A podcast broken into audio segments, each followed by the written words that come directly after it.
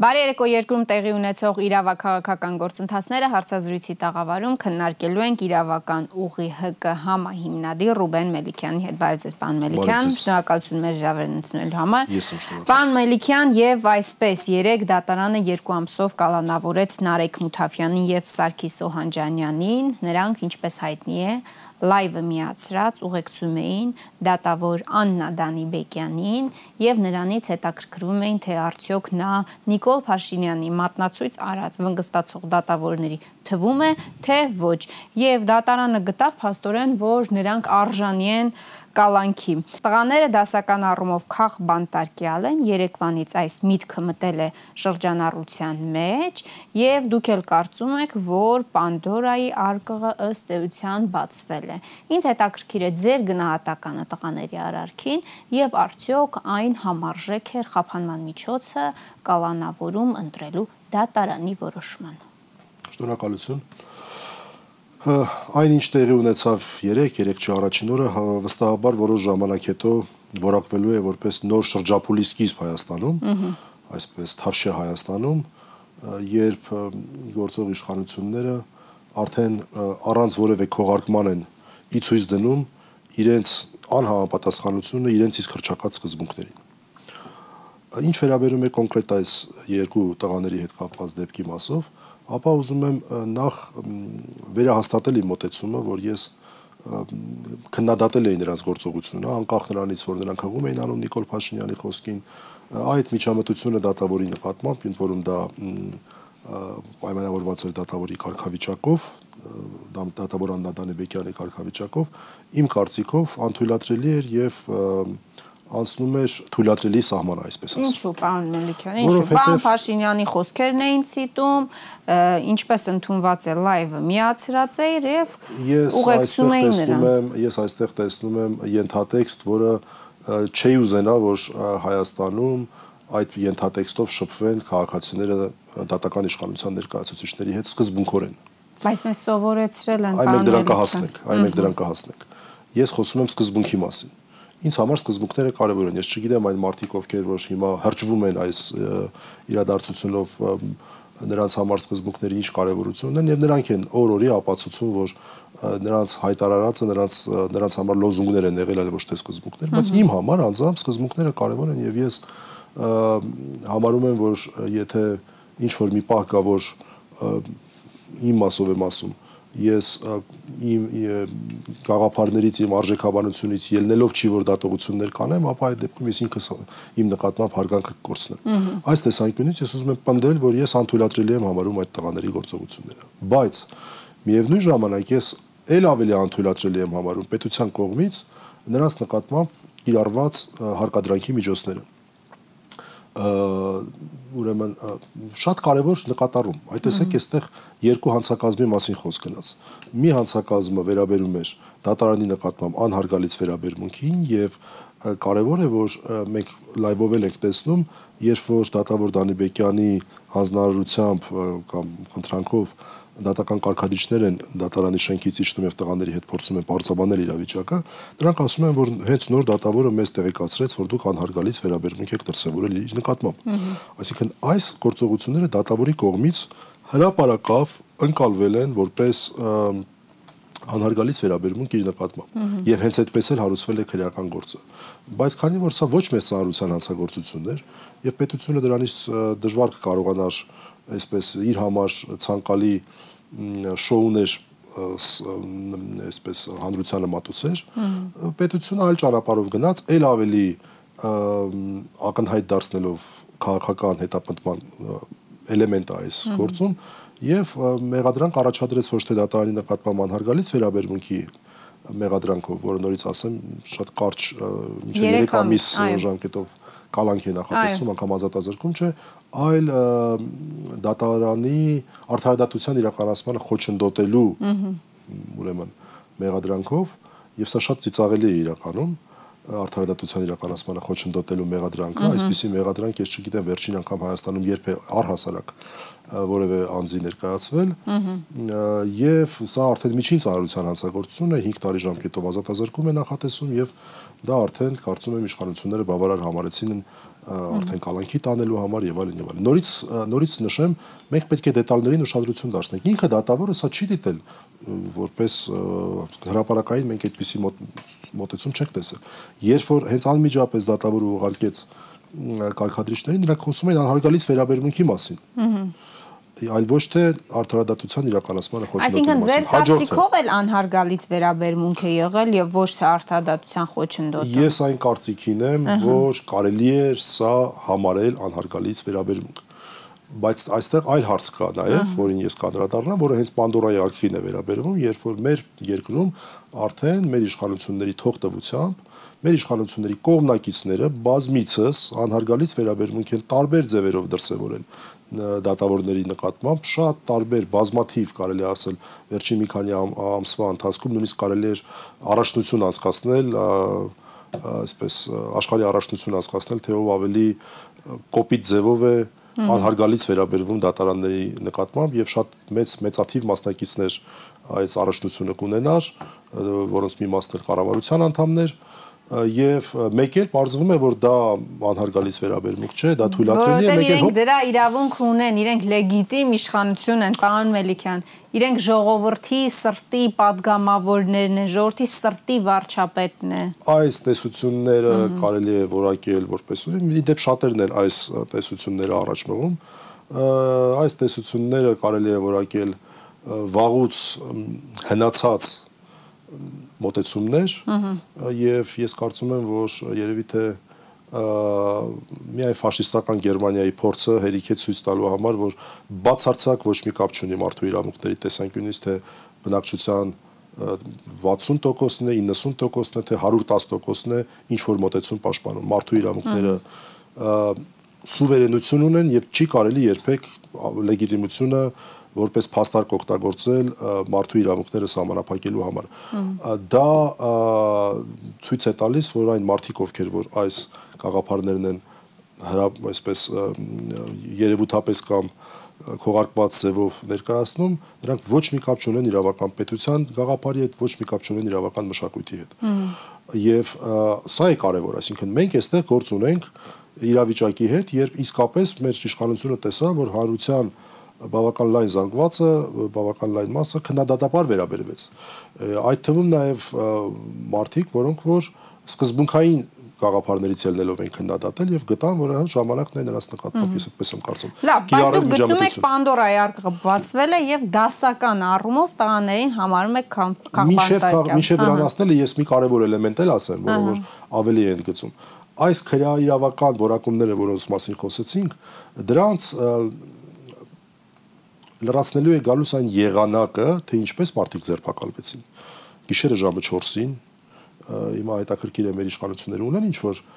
ողջամիտ փաստարկներ, թե ինչի գիշերը ժամը 4-ին էլ ոչ թե սպասեցին, որ լույսը բացվի։ Ինչ նրանք տեղեկություն են ունեցել, որ այդ մարդիկ ինչ են անելու գիշերվա կեսին, նրանց տանը քնած էին։ Երկրորդը այն կոպիտ ձև այն ձեռնաշխտաները նվաստացնող ձևով անձին ոստիկանության բաժանմունք տանելը հերիք չի մի հատ էլ դա նկարահանելը եւ ոչ թե դա լրագրողներն են արել դա ոստիկանը պետությունն է արել պետությունը տեսագրել է մարդուն այսպես անհարգալից վերաբերմունքը անձի նկատմամբ ձերբակալելիս մի մարդու նկատմամբ որը որ մեղադրվում էր որ մի արարքի համար որը որ սովորականի պես կատարում են վարչապետից սկսած մինչև վերջին իմ քայլական այդ արարքի համար անձին այսպես նկարահանում են նվաստացնող վիճակում ոստիկանությունն է նկարանում եւ բազմաթիվ իշխանական ուրեմն իշխանության ներկայացուցիչներ հրաապարակում են դա սա ուղղակի абսուրդ, սա ուղղակի խայտարակություն է։ Ես ուղղակի չեմ հասկանում այն մարդիկ, որ աշխատում են այդ Ասում են իրավական պետություն ենք կառուցում, պարոն Մելիքյան։ Իդ իրավական պետություն իրավական պետություն են քանդում, այլ ոչ թե իրավական պետություն են կառուցում ես ուղակի զարմանում եմ եւ խորհուրդ եմ տալիս իմ իմ ճանաչած իրավաբաններին, որ իշխանության հետ են աշխատել այդ մարդկանց հետ այսպիսի խայտարակություն ինչպես է դուք տվել։ Բայց այդ մարդիկ էլ են տարածում, պարոն Մելիքյան։ Նույն այդ մարդիկ ողջևորված տարածում են սոցիալական ցանցերում, սա շոուների շրջանակներում է, որը 1.5 տարվա ընթացքում մենք ականատես ենք։ Արդեն բոլորը սովորել ենք այդ շոուներին ոստիկանությունը գնում է բերման ենթարկելու, ամեն ինչ նորմալ, բայց մի 5 րոպե կամերայի համար բեմականացում անում են, հետո նորից ամեն ինչ շարունակվում է իր հունով։ Այս երևույթը իմ կարծիքով մի քանի տարբեր հատկանիշներով առանձնահատուկ է եւ ես պատահական չէ որ հաղորդման սկզբում ասացի, որ սա ազդարարում էր նոր շրջան մեր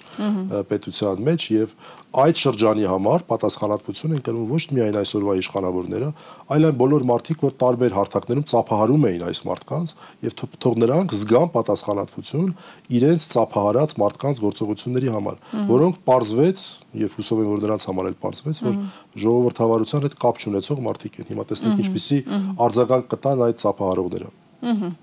Տեսեք, մի դեպքում մենք ունենք Աննա Դանիբեկյան, դատավոր, ով իշխանությունների սրտի որոշումն է ըստ էության կայացրել, ցանկալի որոշումն է կայացրել, ՍԴ որոշման հիման վրա չի փոխել Քոչարյանի խափանման միջոցը, գրավի միջնորդությունն էին ներկայացրել փաստաբանները, չի փոխել։ Մյուս դեպքում մենք ունենք դատավորներ Ալեքսանդր Ազարյան, Գրիգորյան, ովքեր փոխել են խափանման միջոցը եւ իշխանությունների թողտվության, թույլտվության պայմաններում, ինչու նաև աջակցել են աստորեն այդ գործընթացին, արժանացել են ամենավերջին վիրավորանքներին եւ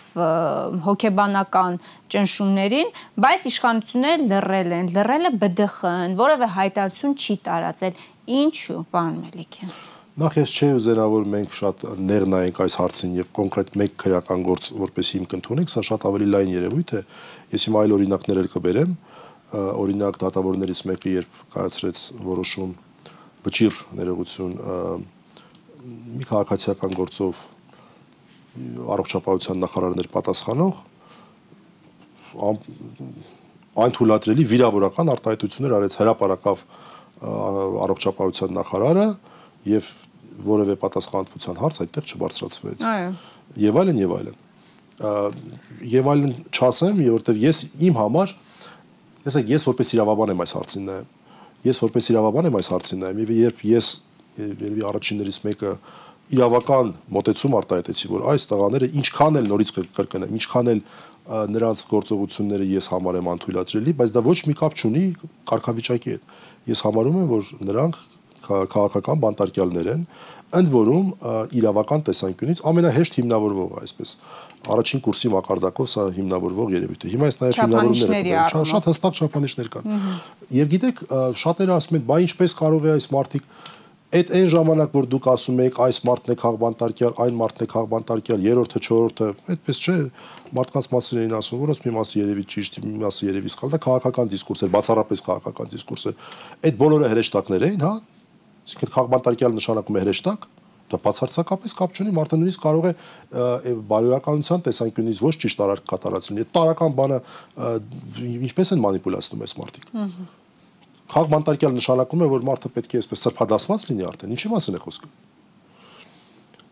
2012 թվականից ի վեր մենք սա շատ կարևոր է թիվը մենք կարող ենք ասել, որ քաղ բանտարկյալ երևույթը մաքուր քաղաքականից վերածվեց իրավաքաղաքական երևույթի, որտեղ իրավական ամրագրում ստացա քաղ բանտարկյալի սահմանումը Եվրոպայի խորհրդի խորհրդարանական վեաժողովի բանաձևով, որտեղ շատ հնարավորինս հստակ 5 չափանիշ է բերվում, թե որ մարդիկ կարող են համարվել քաղ բանտարկյալ, օրինակ ասենք ամենա պարզունակ երևույթը, որ դժվար է պատկերացնել, բայց ամեն դեպքում դա էլ է քաղբանտարկել, որ որը առանց որևէ իրավական ընթացակարգի քաղաքական դրդապատճառներով անձը ազատությունից ցրկվի։ Եվ այլն եւ այլն։ Այդ 5-ից 4-րդը հետեւյալ հիմքն է, որ խտրական ձևով անձը զրկվում է ազատությունից ի քաղաքական դրդապատճառներով խտրական ձևով անձը զրկվում է ազատությունից ի համեմատ այլ անձանց Սա շատ կարևոր է ի համեմատ այլ անձանց արտահայտությունը։ Տեսեք, տարբեր իրավիճակներում շատ դժվար է գտնել համարժեք իրավիճակներ, որպեսզի համեմատես ու հասկանաս իսկապես խտրականություն դրսևորվել է, թե չի դրսևորվել։ Այս սա է իրականում իրավական խնդիրը։ Այս պարագայում մենք ունենք բազմաթիվ օրինակներ, երբ միանշանակորեն համադրելի են, նույնիսկ ինչ որ առումով ավելի խիստ են եղել իրավիճակները, որpիսի ասենք, այ տեսեք, իրավիճակ 1, իրավիճակ 2, այստեղ եղել է ուրեմն իշխանության աջակիցներ, այստեղ եղել են իշխանության հակառակորդներ, աջակիցներին մի բան էլ երևի շնորհակալություն են հայտնել, հակառակորդներին ձերբակալել են, ազատությունից զրկել են, մի բան էլ ոստիկանությունը նկարահանել է, գցել է համացանց, մի բան էլ կառավարության անդամներով, վարչապետի աշխատակազմի ղեկավարով հիացական գրառումներով տարածում են։ Նախկին իրավապաշտպաններով եւ այլն։ Այս այս հարցը ես ես հիմա հրաապարակավել կարող եմ ասել, եթե որևէ մեկը իսկապես պատրաստ է իրավական տեսանկյունից քննարկել, ես էլ չէ մեր այսպես ավելի մեր հասարակական կազմակերպության որևէ աշխատակցի մենք կարող ենք խնդրել որպեսզի այս բարավեճը գնա։ Բայց բան Մելիքյան, որ ոչ մեկ չի ուզում իրավական տեսանկյունից հարցը քննարկել։ Բոլորը քննարկում են սիրել, չսիրելու համատեքստում։ Դե բոլորը սիրում են, չեմ սիրում։ Իր արարքը, իրեն ամեն ինչ կարելի է։ Սրան չենք սիրում, իրեն ոչինչ չի կարելի։ Որևէ իրավունք չունի, որևէ ազատություն չունի։ Ես խոսում եմ նրա մասին, ինչը իմ տիրույթում է գտնվում բոլոր արտահայտությունը մանկուց չեմ սիրել, բոլոր գրեթե երբեք չի լինում։ Ես խոսում եմ այն մասին, ինչը որ փաստարկելի է, ինչը որ կարելի է բանավիճել։ Թե մարդիկ, որոնք որ ցածր իրավագիտակցություն ունեն, որոնց նպաստում են, որ նրանց իրավական մշակույթը այդպես էլ ցածր մնա, որոնց նպաստում են, որ այդ մարդիկ այդպես էլ չկարողանան քննադատական մտածողություն ձեռք բերել, իրենց կարծիքը շատ կներեք ինձ վերջին տեղում է հետաքրքրում։ Բայց իրենք նաև հասարակական շատ լինեն։ Ահա, կանխեցիք ինձ, պարոն Մելիքյան։ Փաստորեն դասական առումով քաղաքական տարկյալ են տղաները։ Ճիշտ արձանագրում է։ Դա դա իմ դա իմ ոչ թե քաղաքական գնահատականն է, այլ իրավական վերլուծության արդյունքն է։ Եվ նորից ասեմ, եթե որևէ մեկը այս իրավական վերլուծության շրջանակներում կարող է փաստարկներ բերել, օրինակ կարելի է փաստարկ։ Ես բերել եմ իդեպ մեկ մեկ օրինակ, որը էլի կապ չուներ, այսպես։ Շատ կոնկրետ օրինակ, կոնկրետ հունիսի 5-ին, երբ որ ակցիա էր իրականացվում համադրական դատարանի արչև, դուրս է գալիս դատավոր Ալվինա Գյուլիմանը, երկուսն էլ կին են, չնայած այական չի մեծ հաշվով, բայց Ալվինա Գյուլիմանը շատ ավելի մեծ փորձառությամբ Տիկին Աննա Դանիբեկյանը հարգելի դատավոր Դանիբեկյանը կարծեմ 2 տարվա փորձառությամբ դա էական չէ ուղղակի ուզում ասեմ որ երկու դեպքում էլ կանանց մասին էր խոսքը եւ այնտեղ շատ ավելի շատ մարդիկ այսպես հարցակվում եւ պիտակավորում են նույնիսկ ֆիզիկական միջամտություն է լինում այստեղ օրինակ Նաև բերվում է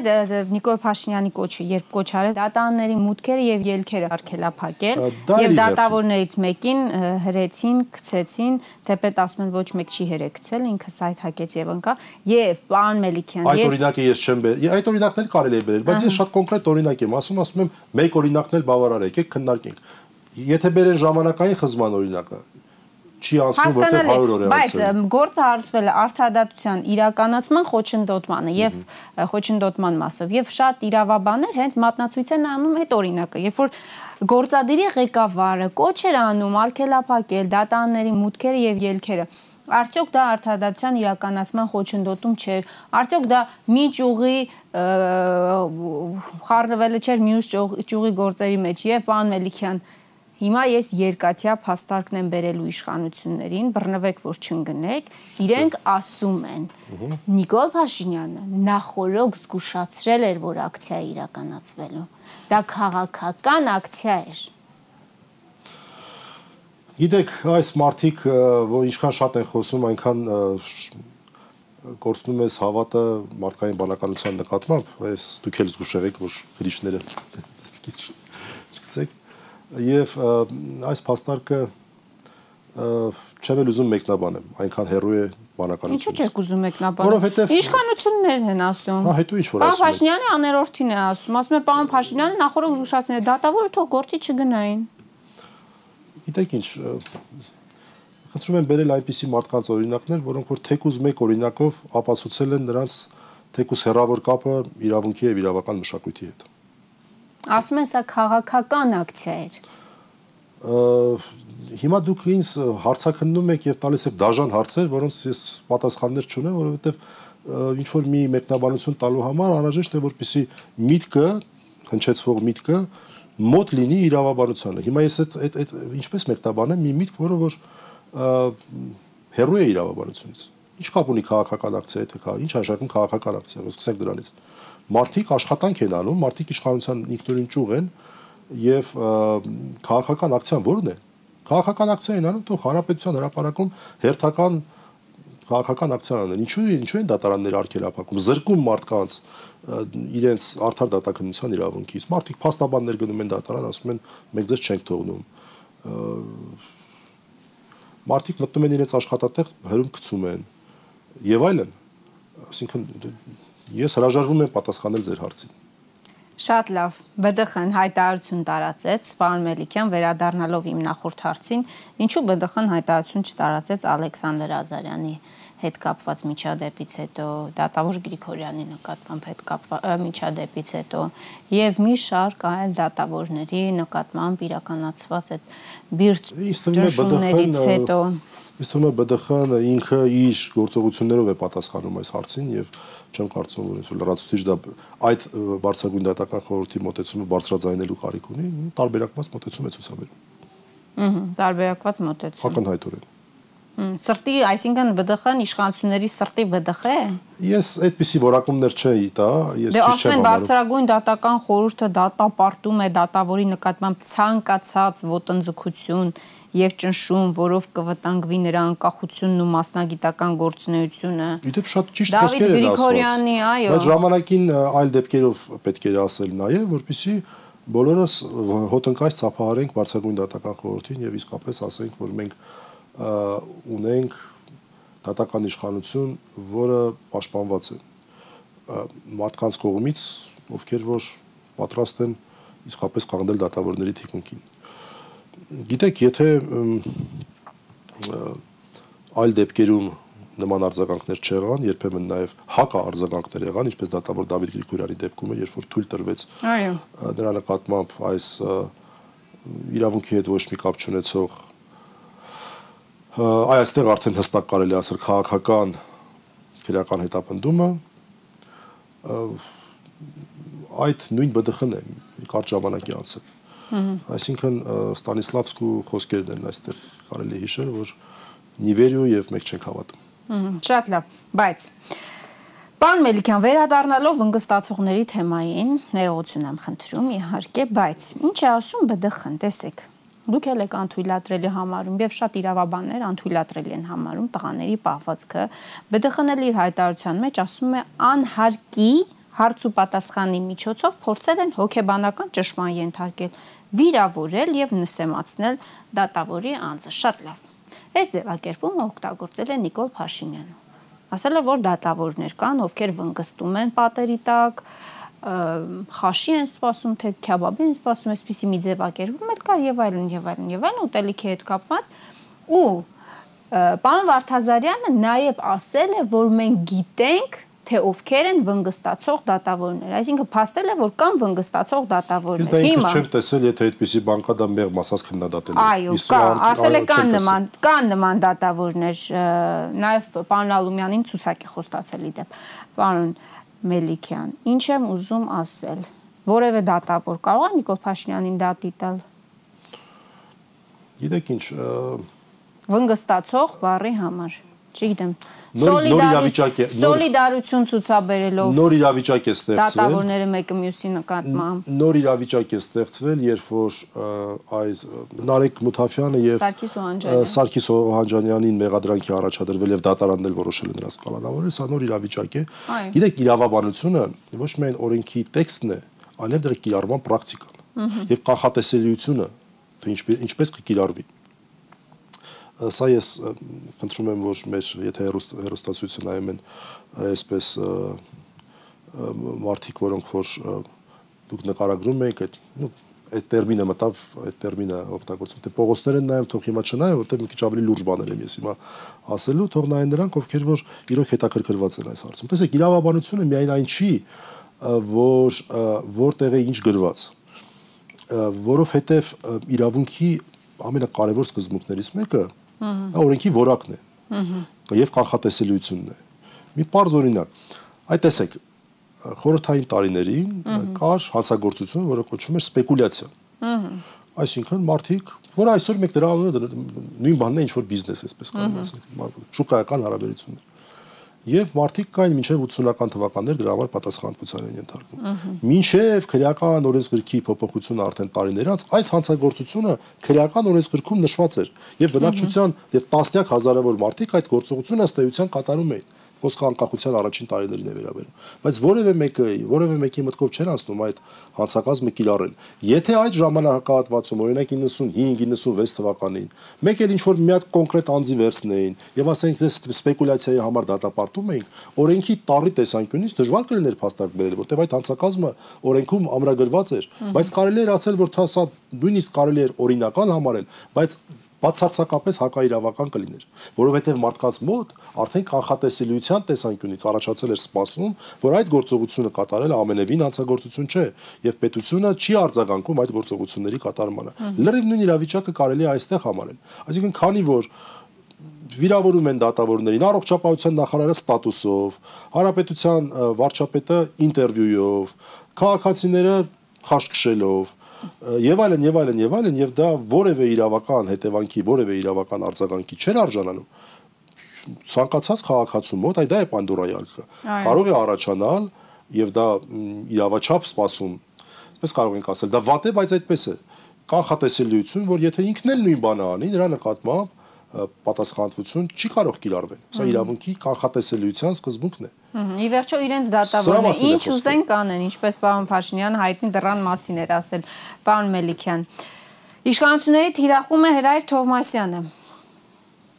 Արդեն երկրորդ սանիկն է։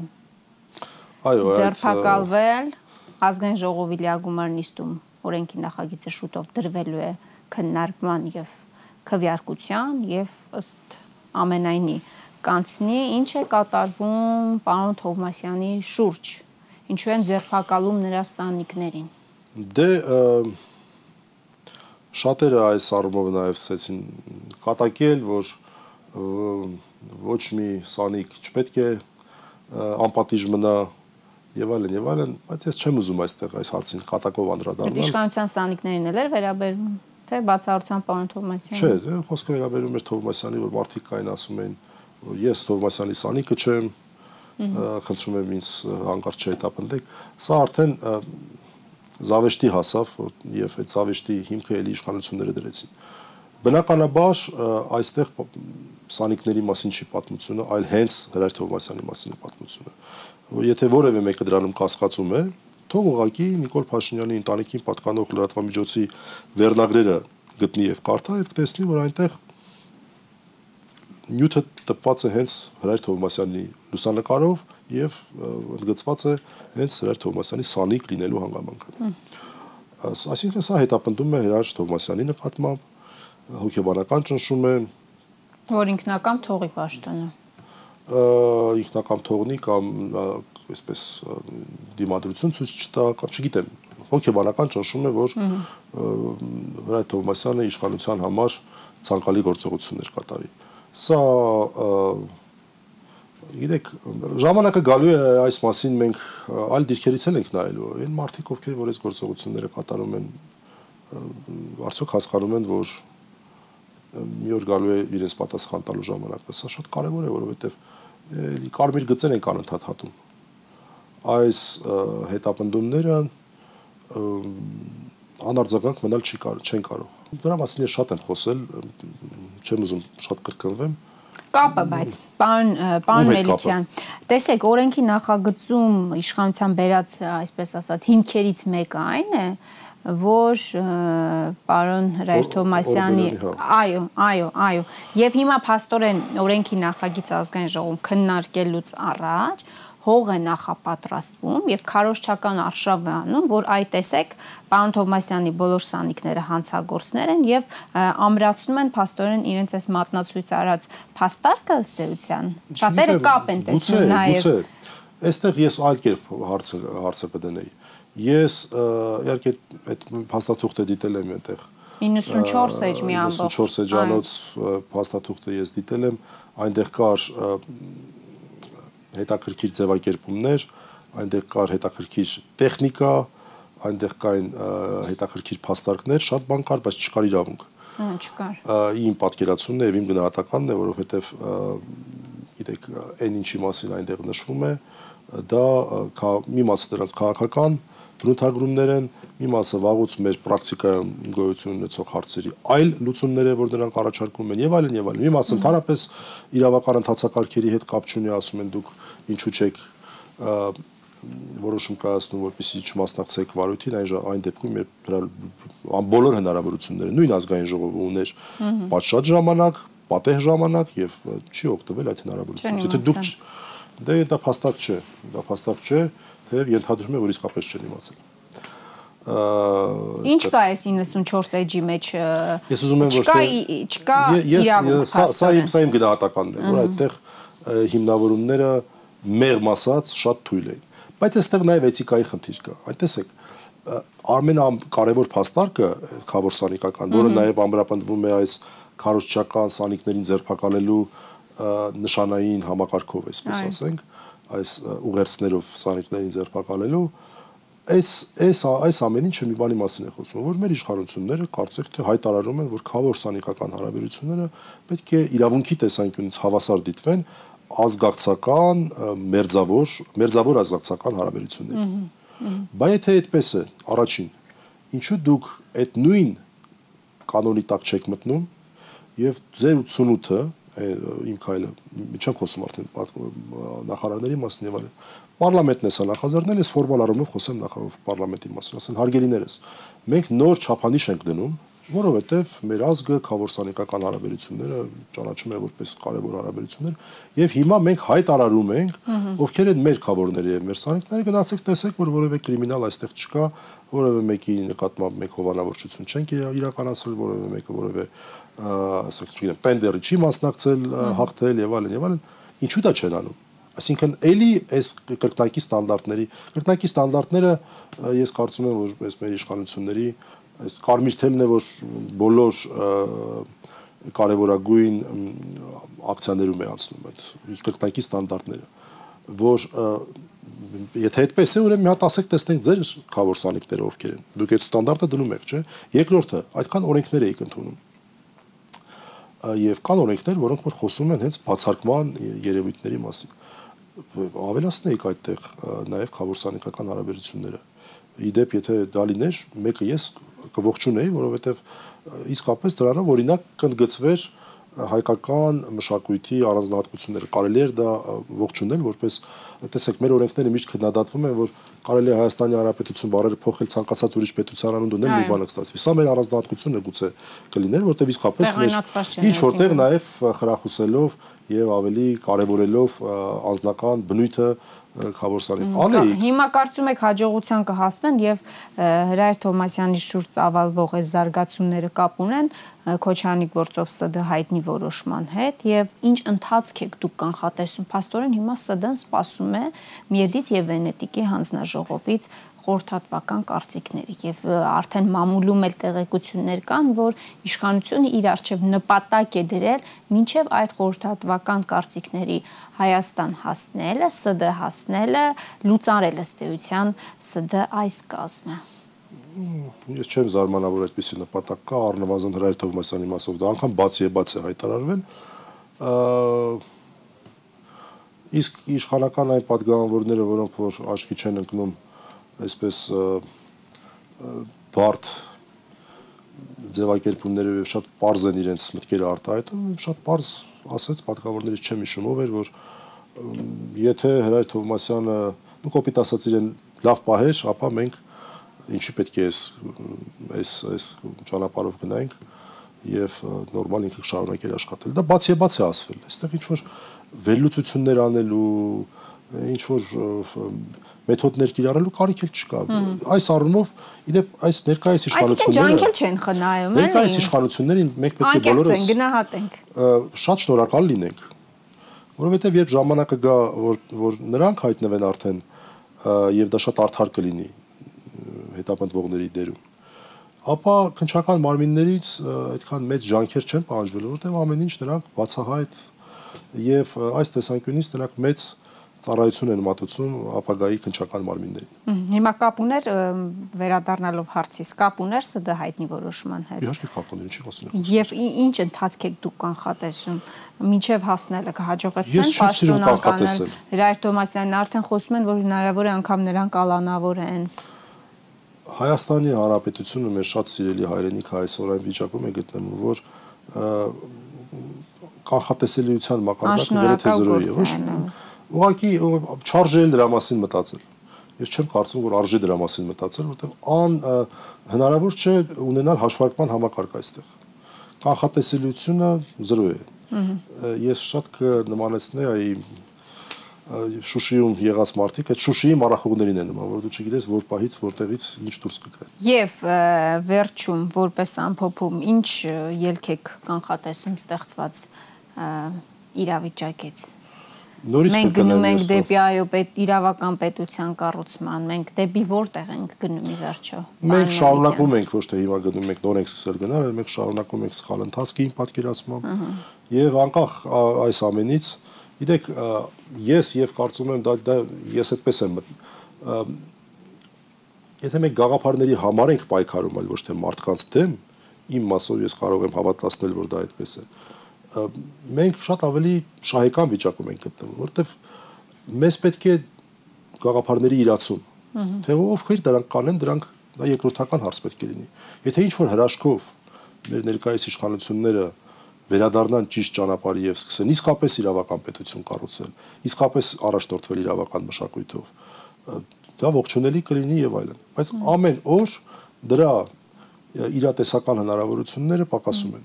Բավարար եք համարում միջազգային հանրության արձագանք այս ամենին եւ ամփոփենք։ Միջազգային հանրության արձագանքը դեռ գալու է։ Դեռ կարծես նրբանկատ են մեր իշխանությունների գործողությունը։ Հանդուրժող են գուցե։ Այստեղ մի քանի խնդիր կա։ Այստեղ մի քանի խնդիր կա, չեմ ուզում շատ ծավալվել։ Ամենակարևորն այն է, որ միջազգային հանրությանն էլ մենք չսրբացնենք եւ հասկանանք, որ միջազգային հանրությունը տարբեր խաղացողներ իրենց շահերով են առաջնորդվում։ Եվ շատ վատ է, որ մենք այսպիսի խնդիրներ են մեր իշխանությունները այսպիսի խնդիրներ են ստեղծում, որը հետո ստիպված պետք է բանակցությունների առարկա դարձնեն, թե որ հարցում իրենք ավելի մեղմ գտնվեն, որpիսի միջազգային հարությունը լայն առումով կամ կոնկրետ ինստիտուտներն էլ այդքան խիստ չքննադատեն մեր իշխանություններին իր թույլ տվածների համար։ Մեզ ամենևին դա պետք չէ։ Մենք ախր ունենք կարևորագույն խնդիրներ, որտեղ որ որտեղ որ մենք կարող ենք ստիպված լինել թույլատրել դիրքորոշումներ եւ այլն։ Մենք ոչ չենք իմանա։ Մենք քաղաքացիներս մեր տներում նստած մեր աշխատանքին, բայց մարդիկ բանակցելու են եւ այդպես է սովորաբար լինում։ Դա նորություն չէ, դա գաղտնիք չէ։ Եվ նորից ասեմ, միջազգային հարությունն էլ չսրբացնենք եւ նրա վարկագիծն էլ չհամարենք այսպես հրեշտակային։ Եվ ես դրանից եմ վախենում, որ այս այս ամեն ինչի արդյունքում մեր իշխանությունները ստիպված է լինելու գին վճարել միջազգային հարության կամ լրության կամ որը ավելի հավանական է ավելի չափավոր գնահատականների համար իսկ ինչ հարցերում պետք է այդ գինը վճարի մենք չգիտենք եւ նաեւ մի քիչ վախենալու է դրա մասին մտածել շնորհակալ եմ այսօր իմ հյուրը իրավական ուղի ՀԿ համահիմնադիր Ռուբեն Մելիքյանն էր